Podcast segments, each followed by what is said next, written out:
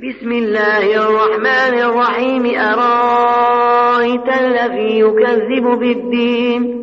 فذلك الذي يدع اليتيم ولا يحض على طعام المسكين؟ فويل للمصلين الذين هم عن صلاتهم ساهون الذين هم يراءون ويمنعون الماعون.